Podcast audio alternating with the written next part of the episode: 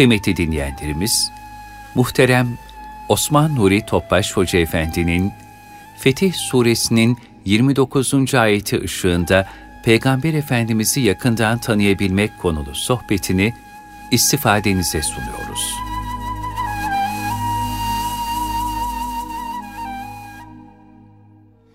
Resulullah sallallahu aleyhi ve sellem Efendimizin aziz, latif, mübarek, pak ruhu tayyibelerine, ehl-i beytin, eshab-ı kiramın, enbiya-i izamın, saadat-ı kiram hazaratının, cümle geçmişlerimizin, şehitlerimizin ruh şeriflerine, dinimizin, milletimizin, bütün İslam dünyasının selametine, ümmet-i Muhammed'in hastana şifa, dertlere deva, borçlarına eda. Bu vesileyle üç İhlas bir Fatiha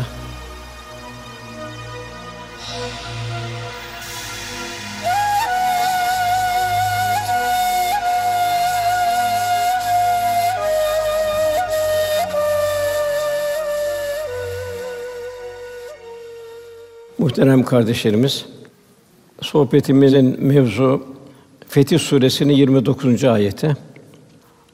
Resulullah Efendimizi yakından tanıyabilmek, onunla beraber olmak. Yani ne kadar dünyada berabersek, ibadette, muamelatta, muaşerette, ahlakta, hak, hukuk, ukubatta o kadar ahirette de beraber olma imkanı.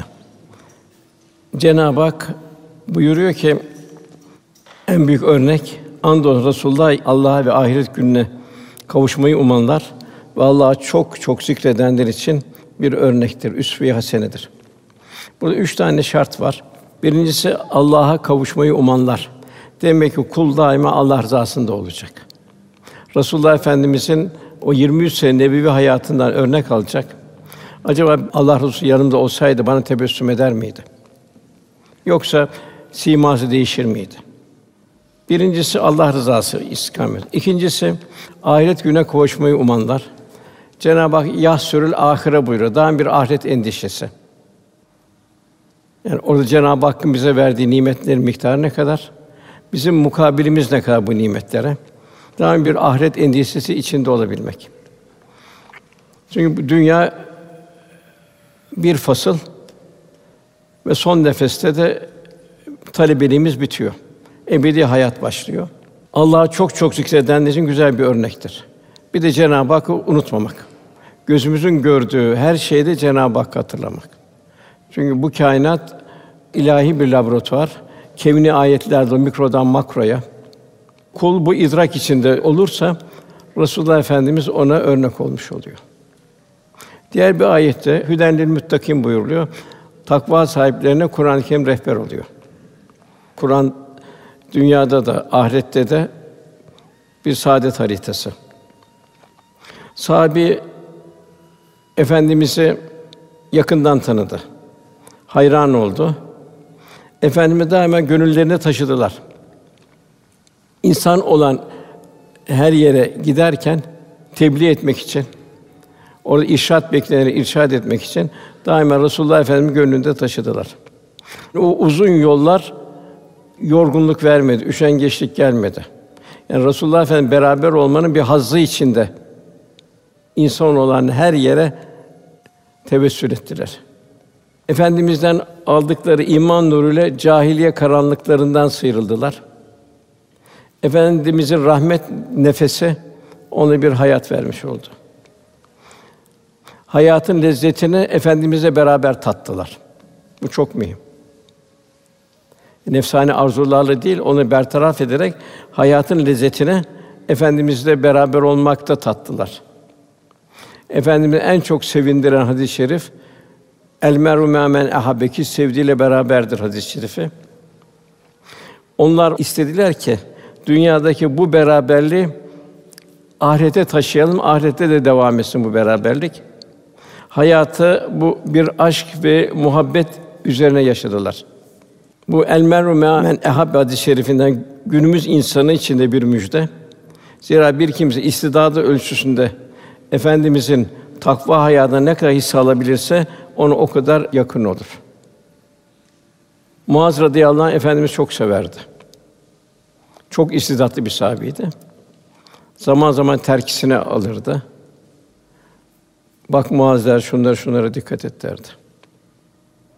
Bir ara sükût olarak geçirirlerdi. Sanki tefekküre davet ederdi Muazz'ı. Yani Muazz'da hususi şekilde meşgul olurlardı. Efendimiz Muaz'a şöyle hitap etti. İnsanlardan en yakın olanlar kim ve nerede yani hangi mekanda, hangi zamanda olursa olsun Allah'a karşı takva sahibi olan müttakilerdir. Muaz'ı Yemen'e gönderirken efendimiz Muaz dedi seninle artık herhalde görüşemeyeceğiz dedi. Bu dünyada ahirette beraber olacağız dedi. Umulur ki dedi benim kabrim şurada olacak dedi. Sen de Yemen'den döneceksin dedi. Beni ziyaret edersin kabrimi dedi. Muaz ağlamaya başladı. Ağlama Muaz, ağlama dedi. Bana en yakın olanlar nerede olursa olsun onlar müttakilerdir buyuruyor. Demek ki Resulullah Efendimize Vesel Kâne Hazretleri bir göremedi. Fakat bir nefesi rahmani içindeydi. Resulullah Efendimiz gönlümüzde taşımayı Cenab-ı Hak cümlemize nasip eylesin. Beraber olabilmek, ilahi müşahedenin altında olduğumuzu unutmamak. Birincisi. Ayet-i kerime ve ve mahkum eyne mahkuntum. Nereye gitseniz o sizinle beraber. Cenab-ı Hak zamandan, mekandan münezzeh. Yarattığı bütün insan, hayvanat, cemaat ne varsa her an Cenab-ı Hak yanında. Buna bir ihsan şuuru deniyor. Yani bu şuna benzetebiliriz. Arkamızda bir kamera dolaştırsalar her şeyimize dikkat ederiz. İlahi kameranın altında olduğumuzun kalpte şuur ve idrak haline gelebilmesi. İrfan halinde olabilmek. Cenab-ı Hak şah damarından daha yakın olduğunu bildiriyor. İçimizden geçenleri biliyor. İçimizden geçenlere hakim olabilmek o da çok zor. Onca salavat-ı şerifeyi dilimizden, gönlümüzden eksik etmeyeceğiz. Bu efendim ne kadar sevdiğimizin ve gönlümüzde hissettiğimizin bir işaretidir. Onu ne kadar tanıyorsak, ne kadar hatırlıyorsak o da bizi ahirette o kadar yakından tanır. Salih bir kul olabilmek için efendim fazilet dolu örnek hayatından ders almak zaruretindeyiz. Ona zahiren ve batinen tabi olmaya mecburuz. Onun yüce ahlakına bürünerek onu satırlardan ziyade kalben ve bedenen yaşayarak tanıyabilmeye mecburuz. Kur'an-ı Kerim kelamda mucize. Cenab-ı Hakk'ın lütfu. Kainat, kevni ayetler ilahi bir mucize. Resulullah sallallahu aleyhi ve sellem insanda tecelli eden bir mucize. İnsanda tecelli eden bir sanat harikası. Kur'an-ı Kerim gibi, kainat gibi insanda tecelli eden bir sanat harikası. Her bakımdan mükemmel, kıyamete kadar gelen bütün insanlığa bir örnek, bir misal. Gerçek tahsil efendimi yakından tanıyabilmek. Cenab-ı Hak efendimiz hayatı üzerine yemin ediyor. Le amruke buyuruyor. Onun hayatı üzerine yemin olsun diyor. Hiçbir mahluk, hiçbir insan, hiçbir peygamberimizin böyle bir yemin yok. Yalnız efendimize var. Yani demek ki efendimi yakından tanıyalım. Üsve-i hasene olduğunu biliyor, örnek şahsiyet olduğunu bildiriyor ve ona salat etmemizi daima emrediyor. Efendimizi yakından tanıyanlar tanıdıkları nispette abad olur. Onu tanımayanlar ise en büyük nimetten uzak olarak bedbaht olur Allah korusun. Efendimiz 124 bin peygamberin zirvesi. Cenab-ı Hakk'ın en sevgili kulu. Bütün insanlığa cihana rahmet. Bütün insanlığa yegâne muallim. Peki efendimizin muallimi kimdi? Cenab-ı Hak. Efendimizin peygamberlikten evvelki durumuna baktığımız zaman Mekke'de bir ilim meclisi yoktu, bir kütüphane yoktu, bir mektep yoktu. Herhangi bir din adamı da yoktu. Bir rahip de yoktu, hoca da yoktu. Yetim doğan ve öksüz büyüyen efendimiz anne baba gibi bir istinadı da olmadı. Onun mürebbisi Cenab-ı Hak'tı. Efendim buyuruyor, beni Rabbim terbiye etti, ne güzel terbiye etti buyuruyor. Bu şekilde yarı vahşi, cahiliye insanlarından bir asr saadet medeniyeti inşa edildi. Efendimiz daha evvel bir eğitimci değildi. Risalet vazifesinden evvel 40 sene hiç kimseden hiçbir şey öğrenmedi. Hiç kimse de bir şey öğretmedi. Bunu toplum bir cahiliye toplumuydu. Kendisi ümmi bir kişiydi efendimiz. Cenab-ı Hak okuma yazma da öğrettirmedi ona. Yani okuma yazma da bilmiyordu. Toplumda ümmi bir toplumdu. Toplumda okuma yazma bilen de yok denecek kadar azdı. Cenab-ı Hak ona öyle bir öğretti ki, öyle bir eğitim verdi ki o bütün kainatı malum oldu, cihana yön verdi. Yine efendimizin başından gazveler geçiyor. Efendimiz bir kumandan değildi. Bir askerlik de yoktu o zaman. Yani doğru düz bir ordu da yoktu. Hep aşiret kavgaları vardı. Lakin efendim peygamberden sonra gazvelerde bile bir merhamet tevzi etti. Nitekim Bedir'de harpten evvel düşman gelip su istedi. Efendimiz eshab-ı kirama rağmen onları su verdirtti. Bir de bugünkü duruma bakalım. Efendimiz şöyle buyurdu: Zulmetmeyiniz, işkence etmeyiniz gazvede. Çocukları öldürmeyiniz. Mabetleri çekilip ibadet meşgul olan kişileri kendi haline bırakın. Kadınları, yaşları, savaş harici için çalışan kimselere dokunmayın. Kiliseleri yakıp yıkmayın. Ağaçları köklerinden kesmeyin. Bir efendimizin talimatı. Birinci Cihan Harbi'nde ne oldu? Nasıl bir vahşet yaşandı? Bugün de aynı şekilde. Ecdadımız hiçbir zaman tabasını zulmetmedi. Gayrimüslim halk dahi adalete hayran olduğunu teşekkür etti. Bir sürü atasözleri ortaya çıktı. Leistan'da Fistün Nehri'nden Osmanlı atları su içiyorsa hak vardır, hukuk vardır, adalet vardır bir atasözü haline geldi. Yine efendimiz daha bir halk idaresinde bulunmadı. Çocukluğunda çobanlıktan başka bir şey de yapmadı. Onun kurduğu Medine İslam site devleti medeniyetin zirvesi oldu. Bütün mahlukatı zalimlerin şerrinden kurtardı. Köleler huzur buldu. Hayvanlar huzur buldu. Nebatat huzur buldu. Kan gönüne dönen çöller huzur buldu. Yine efendimiz hak ve adalet tevzi etme uzun hiçbir tecrübesi de yoktu. Lakin onun veda hutbesi en mükemmel bir insan hakları beyannamesidir. Değişmez bir devam eden en güzel anayasadır. İşte İslam site devleti Medine kurduğu zaman efendimiz hemen ilk anayasayı tesis ettirdi. O zaman böyle bir şey yoktu. Aşiret reisleri kendine göre yönlendiriyordu. Efendimizin talebesinin meydana geldiği hukuk ekolleri beşer aklının yüzlerce yılda yetiştirmediği zirveleri geride bıraktı. Bu tarihte meşhur hukukçulardan Solon Hammurabi, Ebu Hanife'nin hukuk dağısı karşısında çırak bile olmayacak durumda kaldı. Velhasıl efendimiz kainatın muallimiydi. İbn Hazm der ki Hazreti Muhammed sallallahu aleyhi ve sellem sireti, mübarek hayatı düşünen bir kimse için peygambere zaruri olarak tasdik etmesini onun Allah'ın hak peygamber olduğunu şahadet etmesi gerektirir. Faraza peygamberimiz sireten başka hiçbir mucize olmasaydı onun hayatı mucize olarak yeterdi. On 23 senelik nebevi hayat mucize olarak yeterdi. İslam fıkıh metodolojisinin meşhur simalarından Karafi o da diyor ki Resulullah Efendimiz başka hiçbir mucizesi olmasaydı onu eshab-ı kiramı yetiştirmesi, yani yarı vahşi insanlardan Medine insanlar haline getirmesi onun peygamberliğinin en büyük delilidir. İbn Mesud Hazreti Ali radıyallahu anh beraber Küfe mektebini kurdu. Dünyanın en büyük hukukçusu Ebu Hanife Hazretleri onun kurduğu o medresede yetişti. Yani hülasa kıyamete kadar mümin gönüllerde insanlıktan bir abide olarak efendimiz yaşayacak. Efendimiz Cenab-ı Hak yakından tanımamızı arzu ediyor. Gönlümüz onunla ne kadar dolarsa o kadar Cenab-ı Hakk'a olan yakınlığımız da artar.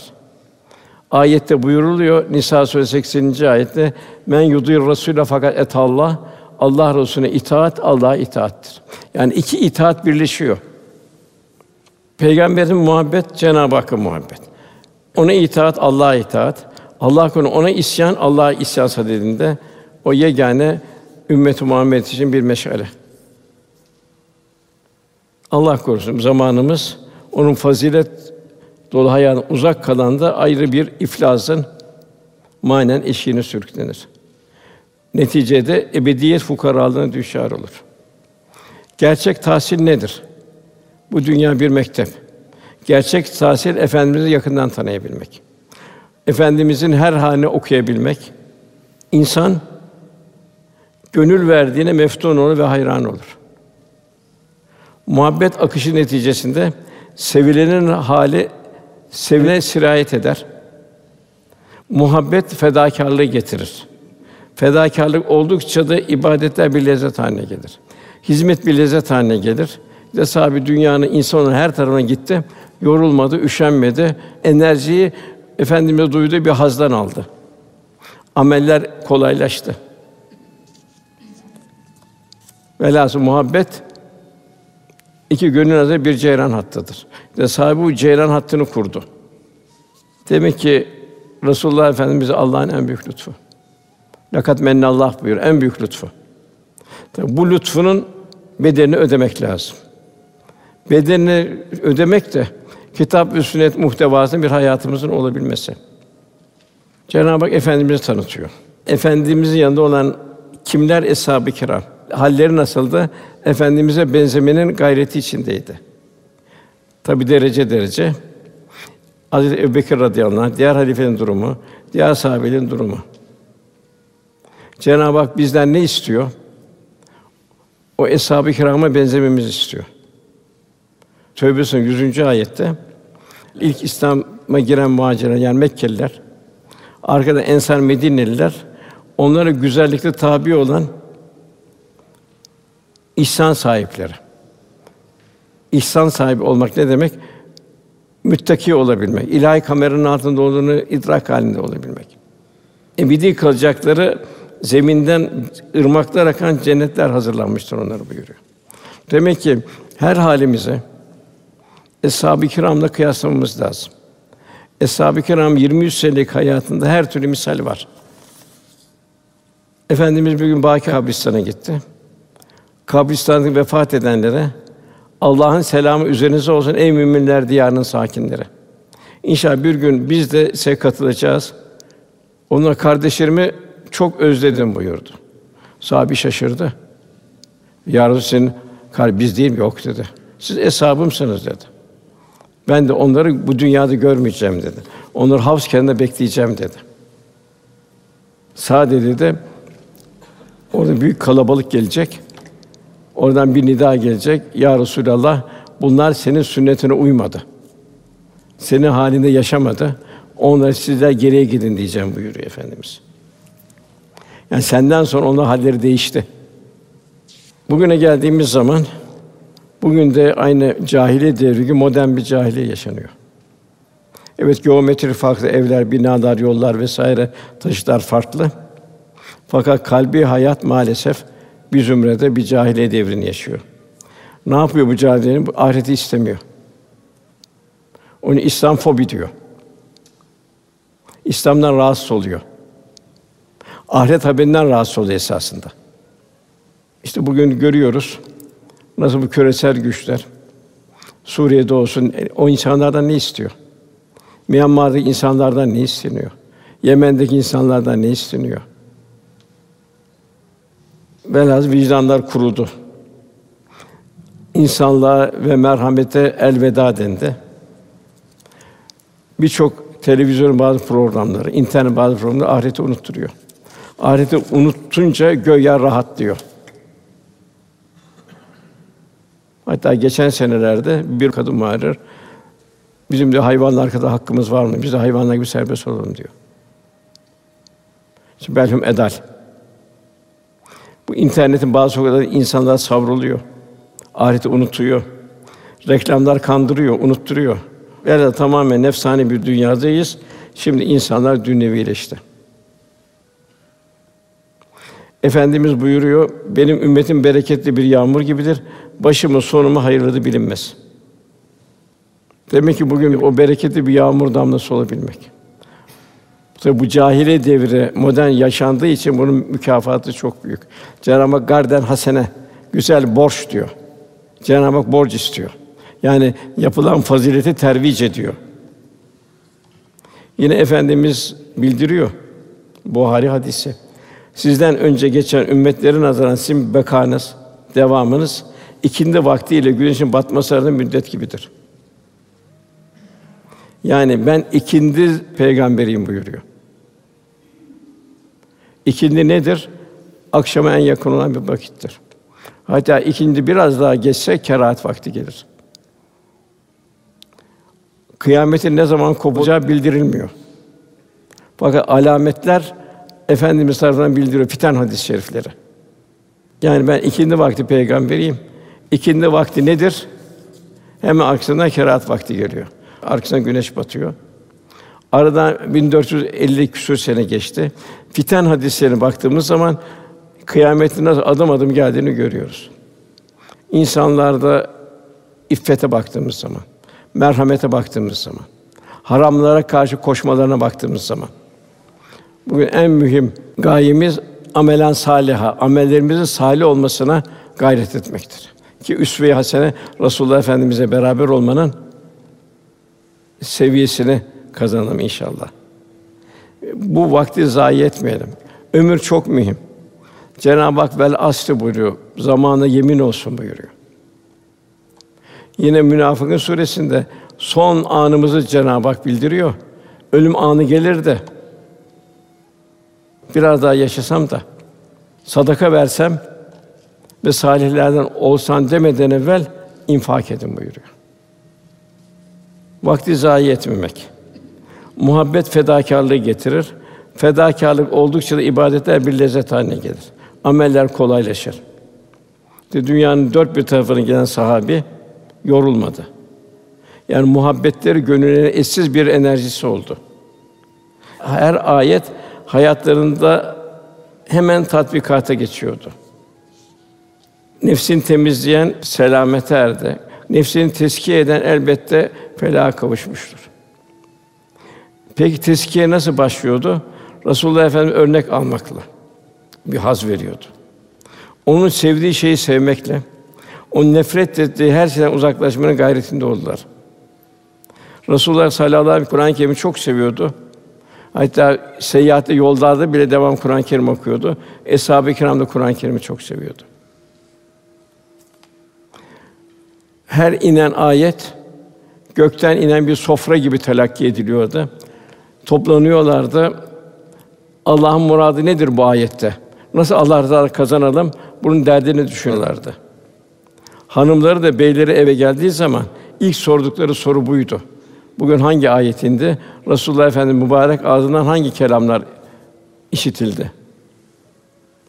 Sabahleyin efendi yolcu ederken de sakın bizlere yanlış lokma getirme.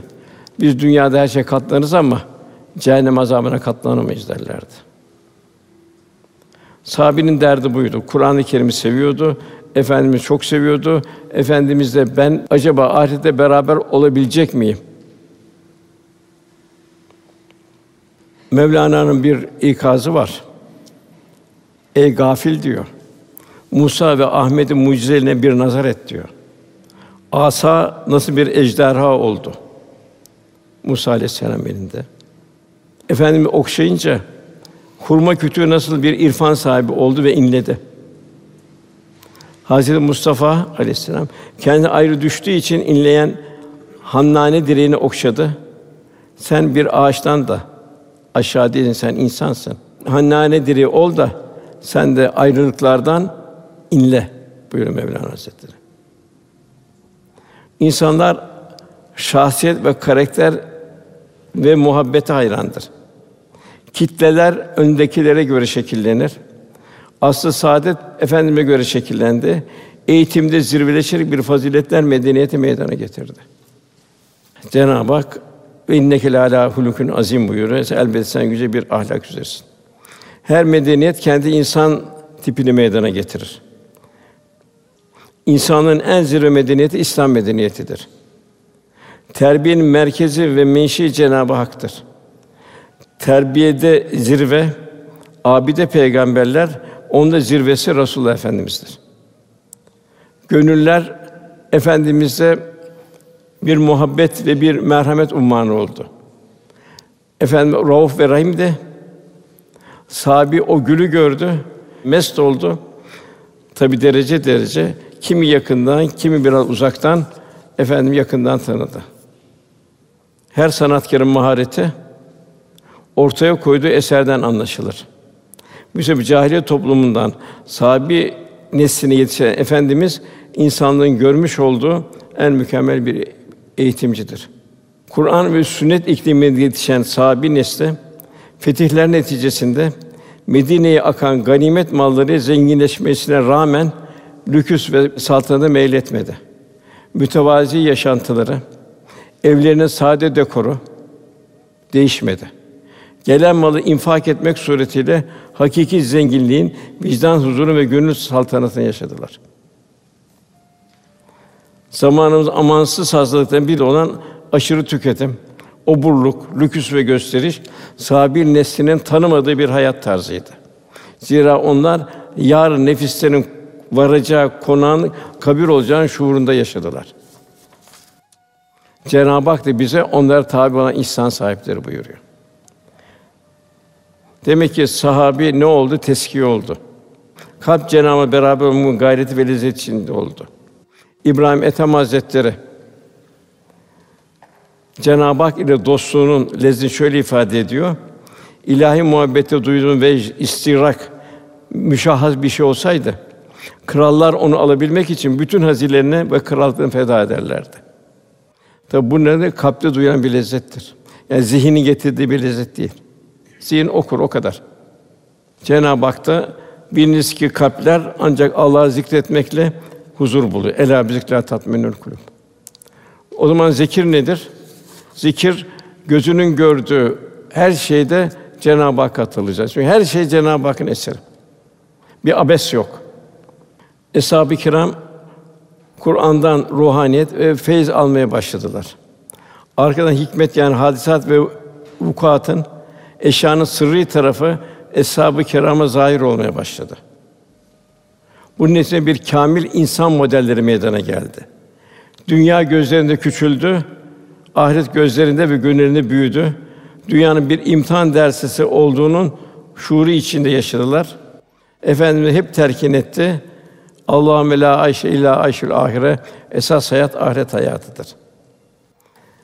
Sabi en çok sevindiren el meru men ehabbe yüz binlerce hadis içinde ki sevdiğiyle beraberdir. Sahabe bunu heyecan içinde yaşadı. Ben ne kadar Allah Resulüne yakınım, o ne kadar benzeyebiliyorum, bütün endişesi buydu. Cenab-ı Ayet-i kerimede Bakara 186. ayette kullarım sana efendimize hitap ediyor Cenab-ı Hak. Beni sorduğunda söyle onlara ben çok yakınım. Bana dua edenin dileğine karşılık veririm. O halde kullarım da benim davetime uysunlar ve bana inansınlar, doğru yolu bulurlar. Saadet reçetesi. Gerçek saadet. İslam asla bir taviz istemez. Yani ılımlı Müslümanlık diye bir şey yoktur. O ayak kaydırır. Sakif kabile bir heyet geldi. Biz Müslüman olalım dedi. Fakat namazdan affedilelim dedi. Namaz şartı olmasın dedi. Efendimiz namazsız bir din hayır yoktur buyurdu. Taifler bu sene Lat putunun kalsın dediler. Yok dedi efendimiz.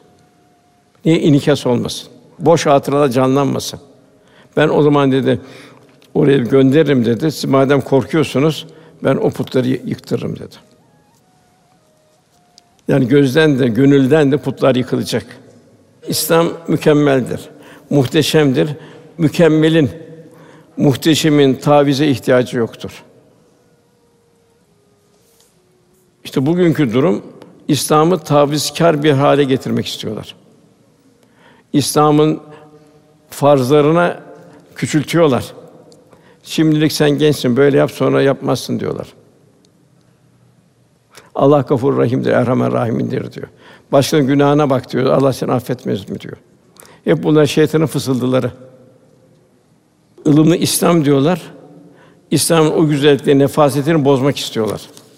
Nasıl Hristiyanlık da böyle bozuldu.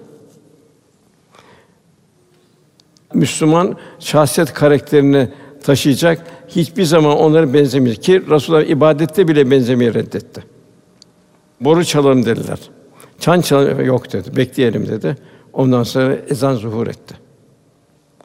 Biz dediler on Muharrem'de oruç tutuyoruz dediler Yahudiler. O zaman biz daha yakınız Musa'ya bir gün evvel bir gün sonra tutalım buyurdu. Misaller çok. Mesela Yahudiler oruçlarında sahur yoktu. Sallallahu aleyhi ve bizim orucumuz ile ehli kitabın orucu arasında en önemli fark sahur yemeğidir buyurdu. İç yolu bir bardak su içeceksin. Yine benzememek için üzerinde farz olan orucun dışında Ramazana geldi falan hariç cumartesi günü oruç tutmayın buyurdu. Yani ibadette bile benzememe. Velhâsıl dinin en zor tarafı akaid tarafı, iman tarafıdır. Onun Cenab-ı Hak sihirbazları misal veriyor. Onlar İslam'a kavuştuktan sonra Firavun'un bütün zulmüne karşı bir tavır aldılar. Senin zulmün dünyaya aittir dediler. Dünyaya kadar zulmün. Daha öteye geçmez dediler. Biz sevgili Rabbimize döndüreceğiz dediler. Onun yapacağı ağır zulme karşı da ya bize bol bol sabır ver. Kolları böyle çapraz kestiriyordu. Müslüman ol bizim canımızı al dediler. Çünkü dayanamayız kurtulalım. Eshab-ül Uhdud var, Habib-i Neccar var, Muhacir Ensar var. Demek ki Mekke mükerremede 13 sene daim en ağır zulme katlandılar. Hiçbir zaman imandan taviz vermediler. Bugün maalesef bırakın bir zor durumda en basit durumlarda bile meylediliyor. Yılbaşı gecesiymiş vesaireymiş. Onun adetleri, örfleri vesaire. Resulullah Efendimiz buyuruyor: "Men teşebbi kavmin fevve minhum." Kim bir kavme benzerse on, onlardandır. Yine efendimizde bu benzememe bugün maalesef onun üzerine biraz fazla duruyoruz. Bakın bir sosyete yerleri gidin. Dükkan vitrinlerinde İngilizce yazar. İngilizce yazan bir forstur o. Göya cazibe verecek. Biz moderniz demek. Bunlar hepsi maalesef bir aşağılık duygusu oluyor. Efendim buyuruyor, Müslümanlarla müşriklerin yaktıkları ateşler birbirini görmemeli. Yani birbirinden uzakta kalmalıdır. Müslümanlar küfür diye yani eğer orada yaşamıyorsa hicret etmelidir. Bu çok mühim. Yani yaktıkları işte ateşler birbirini görmemeli. Yine diğer bir hadis-i şerifte müşriklerin ateşiyle aydınlanmayın buyuruyor. Sizin dostun ancak Allah'tır. Peygamberdir. Bir Allah'ın emrine boyun eğerek namazı dost doğru kılan zekatı veren müminlerdir. İmam-ı Rabbani Hazretleri anlatıyor. Bir keresinde hasta bir şahsı ziyarete gitmiştim diyor. Onun diyor ölümü yaklaşmıştı diyor. Haline bir teveccüh ettiğimde gördüm ki diyor kalbi şiddetli bir karanlıklar içinde. Her ne kadar bu karanlık kalkmasını teveccüh etsimse de hiçbir karanlık kalkmadı. Çokça teveccühten sonra malum oldu ki okudukları vesaire bu karanlıklar kendisi siraten menfi hallerden kaynaklanmaktadır. Bu sıkıntıların menşe küfür ehli dost geçinmiş olması.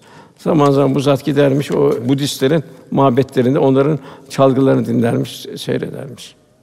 Velhasıl uzun uzak gidiyor. İmam Rabbani Hazretleri izah ediyor. Onun için bir gerçek muhabbet, layıkına muhabbet, Allah'a muhabbet, peygambere muhabbet, Kur'an'a muhabbet, İslam'a muhabbet, şeriate muhabbet. Müstahakkına nefret, Allah ve peygambere asi olan herkesten ve her şeyden uzaklaşmak. Ve bu bir iman alameti olmuş oluyor. Tebbet suresi de bunu en güzel şekilde ifade ediyor. Saat bin Rebi vardı. Efendimiz çok severdi onu. Onu Uhud'da göremedi. Göremeyince Saat bin Rebi'ye seslenin dedi.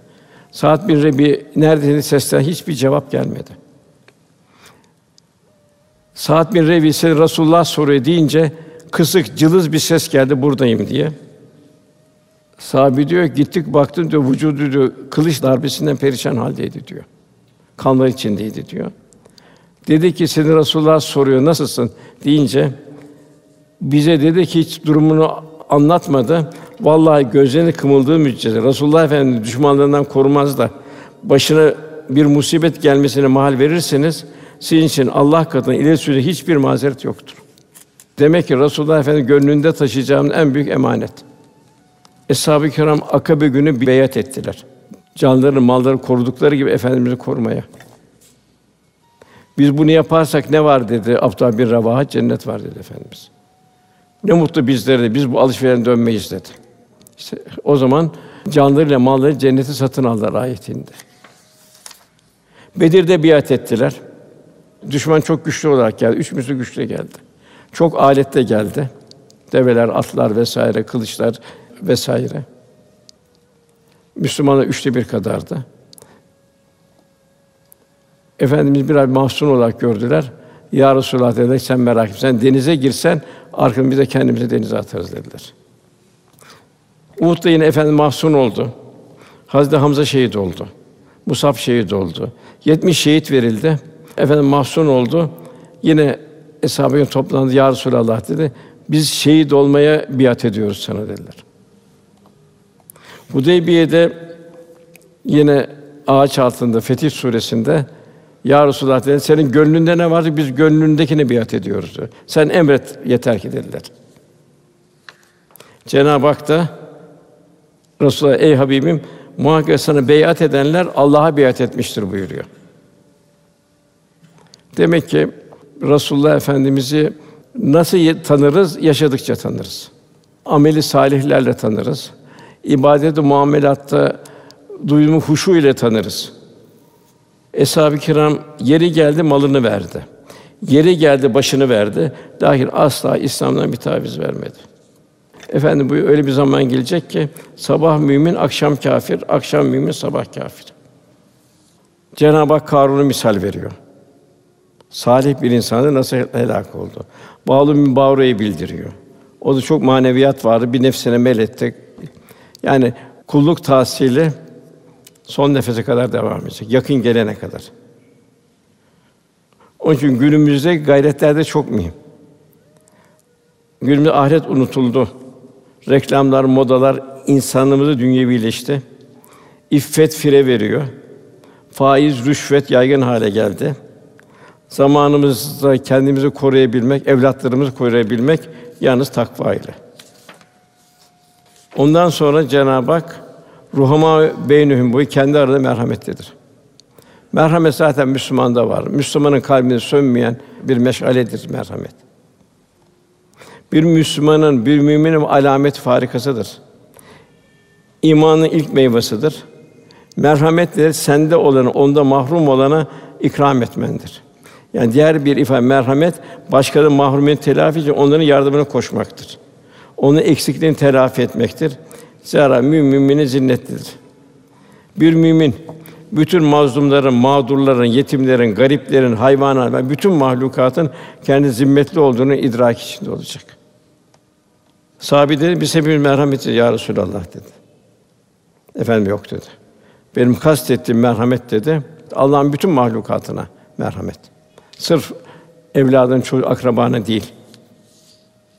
Velhasıl mümin efendimizin aldığı bir inikasla bir rahmet insanı olacak. Yani bulunduğu yere huzur veren bir kişilikte olacak. Yaşadığı zaman ve mekanda Allah Resulü'nün temsilcisi olacak. Temsil olmanın gayretinde olacak. Enaniyetin belliğini bertaraf edecek. Çoraklaşmış gönle bir yağmur misali gibi olacak. Diğer gem önce kendini düşünmek yerine daima kardeşim sen diyecek. Hasan Harkani Hazretleri Türkistan'dan Şam'a kalan olan bulunduğu saha birinin parmağına batan diken o benim parmağıma batmıştır. Birinin ayağına taş çarparsa o benim ayağıma çarpmıştır. Onun acısını ben hissedim. Bir kalpte hüzün varsa o kalp benim kalbimdir. Efendimiz'den bir inikas. Efendim Mevlana'ya baktığımız zaman diğer hak dostları, Bahattin Nakşibendi Hazretleri, diğer Abdülkadir Geylani Hazretleri ömürleri devam ediyor. Onların hayatlarına baktığımız zaman üç kanaldan, üç çeşmeden feyiz alıyorlar. Mevlana mesela babası Sultanül Ülema Bahattin Veled Efendi ondan zahiri ilimleri alıyor. Kadı Burhanettin Tirmizi'den hikmet ilmini alıyor. Şemsi Tebrizi adlı bir dervişten de bir muhabbet zevkini alıyor. Ne güzel bir tahsil olmuş oluyor. İşte meslevi 700 senedir devam ediyor. Daha evvel ilmi vardı. Fakat bir üşüyen varsa ben de üşüyorum demedi. Ancak kalbi muhabbetle yorulduktan sonra evet dedi bir üşüyen varsa ben ısınma hakkına sahip değilim dedi. Yani fizikteki birleşik kaplar gibi. Velhasıl evliya Allah'ın her birinde ayrı ayrı tecelliler. Kalp alemindeki müsbet ve menfi enerji hissiyatlara göre hareket eder. Faziletler kalpteki ruhani hissiyatın heyecandan meydana gelir. Hizmetler bu ruhaniyetin derecesi nispetindedir. Canı ve malı hizmette sarf etmek kulu Allah'a yaklaştırır. Nefse sarf etmek ise insan haktan uzaklaştırır ve insanlıktan da uzaklaştırır. Sadı Şirazi hak dostu kimsenin uğramadığı dükkanlardan alışveriş yaparlar. Yani matemlerin civarında dolaşırlar. Mahrumların derdiyle dertlenirler. Mevlana da diyor ki dünya hayatı bir rüyadan ibarettir. Dünyada servet sahibi olmak rüyada define bulmaya benzer. Dünya malı nesilden nesle aktarılır, yeni dünyada kalır. Esas meziyet malı kullanmayı bilip o malı ahiret sermayesi yapabilmektir. Yine buyurulur şu insanın hali ne hazindir ki ihtirasla kazanır, amelitin nasibe, boş yere hayatını ziyan eder. Bir de o kazandıklarının hesabıyla öbür tarafa geçer. Yine ben bugüne geleceğim. Bugün maalesef İslam'ın bu merhameti, bu şefkati, bu insaniyeti, bu zarafeti İslam fobi diyorlar. Kadına taciz diyorlar. İslam cennet annelerinin ayakları altında buyuruyor. Birisi geliyor, ya Resulallah, kimin hakkı var benim üzerinde? Üç sefer annen diyor, ondan sonra baban diyor. Üç şey sevdirildi buyuruyor Efendimiz. Ondan biri Salih Hanım buyuruyor. Nerede kadına taciz? Mal kendi karanlık, kirli olan iş dünyasında İslam'ı mal etmeye çalışıyorlar. Batıl dinleri hiç saldırmıyorlar. Sadece hak dini olan İslam'a saldırıyorlar. Zira İslam onun nefsane arzularına göre yaşamalarına karşı çıkıyor. Bir Müslüman kendi için nasıl düşünüyorsa bütün insanlar için o şekilde düşünecek. Hayrun nas men yenfun nas. Ondan sonra Cenab-ı Hak buyuruyor teravim rükkan sücceda.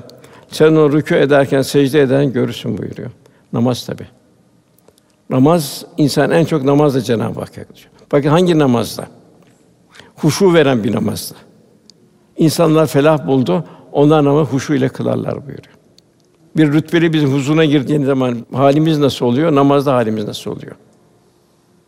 Ve bu neye bağlı? Kalpteki olan muhabbete bağlı. Velhasıl namaz müminin miracı olmuş oluyor. Tabi bu namaz da zor bir namaz. Yani bu bir kalbi eğitimin neticesi meydana gelen bir namaz. Yine buyruluyor kelamı kibarda ubudiyet yolculuğunda yani kulluk yolculuğunda hac kişinin diğer bir müminlerle buluşmasıdır. Oruç kişinin kendisiyle buluşmasıdır. Zekat, sadaka, infak kişinin kalbiyle buluşmasıdır. Namaz da kişinin Rabbi ile buluşmasıdır. Secde et ve yaklaş buyuruyor Cenab-ı Hak. Eshab hiçbir buhran yoktu. Ferdi ibadetlerin başında namaz, içtimai bir başında hizmet gelmiş oluyor. Yani emri bir maruf, nehi anil münker bulmak ve bir İslam ruhunu hizmette aksettirebilmek. Yine namaz o kadar mühim ki ey Adem oğulları Cenab-ı Hak buyuruyor. Her mesleğe girişinde veya her dediğinde güzel elbiseler giyin. Yani daima ilahi huzurda olduğumuzun bir idraki içinde bir namaz arzu ediliyor. Bu cemaatle namaz da çok mühim. Efendim bunun üzerine çok dururdu. Hatta bazı imamların görüşlerine göre bu cemaatle namaz vacip hükmüne yakın. Medine'nin meşhur yedi tabiinin fakihlerinden bir camiye girdi. Bir de baktı cemaatle namazı kaçırmış. Cemaat selam vermiş. Pişmanlık içinde inna lillahi ve inna ileyhi raciun. Bu kayıplarda daima böyle Cenab-ı Hak iltica edilir. İnna lillahi ve inna ileyhi raciun dedi. Sesi diyor ta çarşıdan duyuldu diyor. Demek ki cemaate ittibamız bu kadar mühim. Cenab-ı Hak bu şekilde bir namaz istiyor bizden. 27 kat sevap Cenab-ı Hak ihsan ediyor. Tabi bu en başta kazancımıza da bağlı. Yani paramız hangi yollarda kazandığımızı da gösteriyor. Zira helal para helale akar, yanlış para yanlış yerlere akar. Ondan sonra Cenab-ı Hak'tan ne halinde olacağız? Cenab-ı Hak'tan yebtegûne fadlan minallahi ve rıdvana Allah'tan lütuf ve rıza isterler. Tek gaye bu olacak müminin. Dünya geçici. Ne kadar ister bin sene yaşa Nuh Aleyhisselam bitici. Ahiret ebedi. Onun için Cenab-ı Hak'tan ne istenecek? Fazilet istenecek ve Allah rızası istenecek. Min eseri sucud buyuruluyor. Demek ki bu Efendimiz yanında bulunanların durumu onlar bir ruhaniyet oluyor, bir huzur hali oluyor. Ondan sonra hizmete geçiliyor. Tevrat'ta böyle, İncil'de de onu Cenab-ı Hak bir misal veriyor. Bir bahçıvan bir tohum atıyor, filiz çıkıyor, gövde kabarıyor. Cenab-ı Hak teşbih olarak bu diyor kafiri diyor öfkelendirir diyor. Demek İslami gayrette İslam fobi dedikleri gibi ne yapıyor? Kâfiri öfkelendiriyor. Allah'a iman edip salih amel işleyenlere mağfiret büyük bir mükafat vaat edilmiştir buyuruluyor. Velhasıl kıymetli kardeşlerimiz hizmet çok mühim. 11 yerde Kur'an emri bil maruf nehi anil münker geçiyor. Bunu insan evladından başlayacak, derecelere gidecek. Evlatlar Allah'ın emanetleri. Evlatlar bizim için ya sadaka cari olacak ya da seyyi cari olacak. Bir anne Meryem vadimizde olduğu gibi daha anne karnındayken evladının derdinde olacak. Ben bunu nasıl Allah'a güzel bir kul olarak yetiştireceğim? Baba da evladının derdinde olacak. Evladının dünya istikbal ararken ahiret istikbalini unutmayacak. İki mektep var. Biri dünya mektebi. Bu mektep esasında Cenab-ı Hakk'ın azameti ilahiyesi okunması içindir bu dünya mektebi. Bütün o okunan ilimler bir Allah'ın hikmeti, kalp varsa tabi.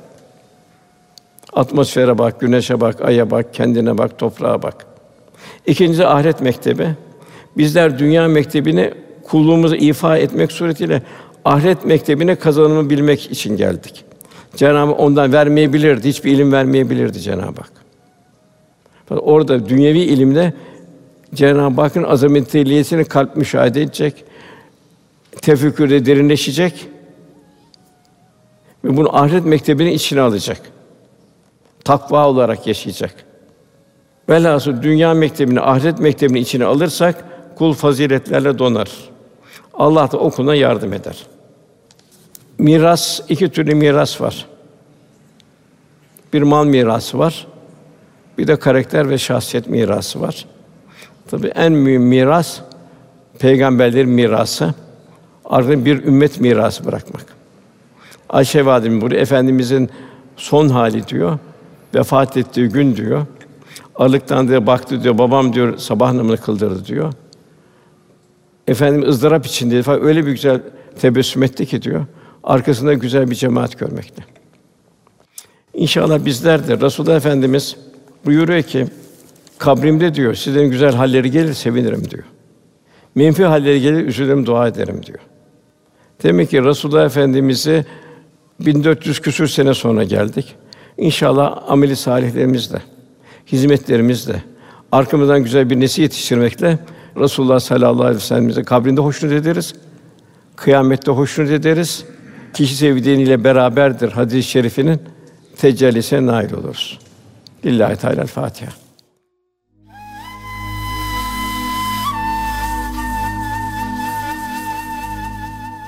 Erkam Radyo'da muhterem Osman Nuri Topbaş Hoca Efendi'nin Fetih Suresinin 29. ayeti ışığında Peygamber Efendimiz'i yakından tanıyabilmek konulu sohbetini dinlediniz.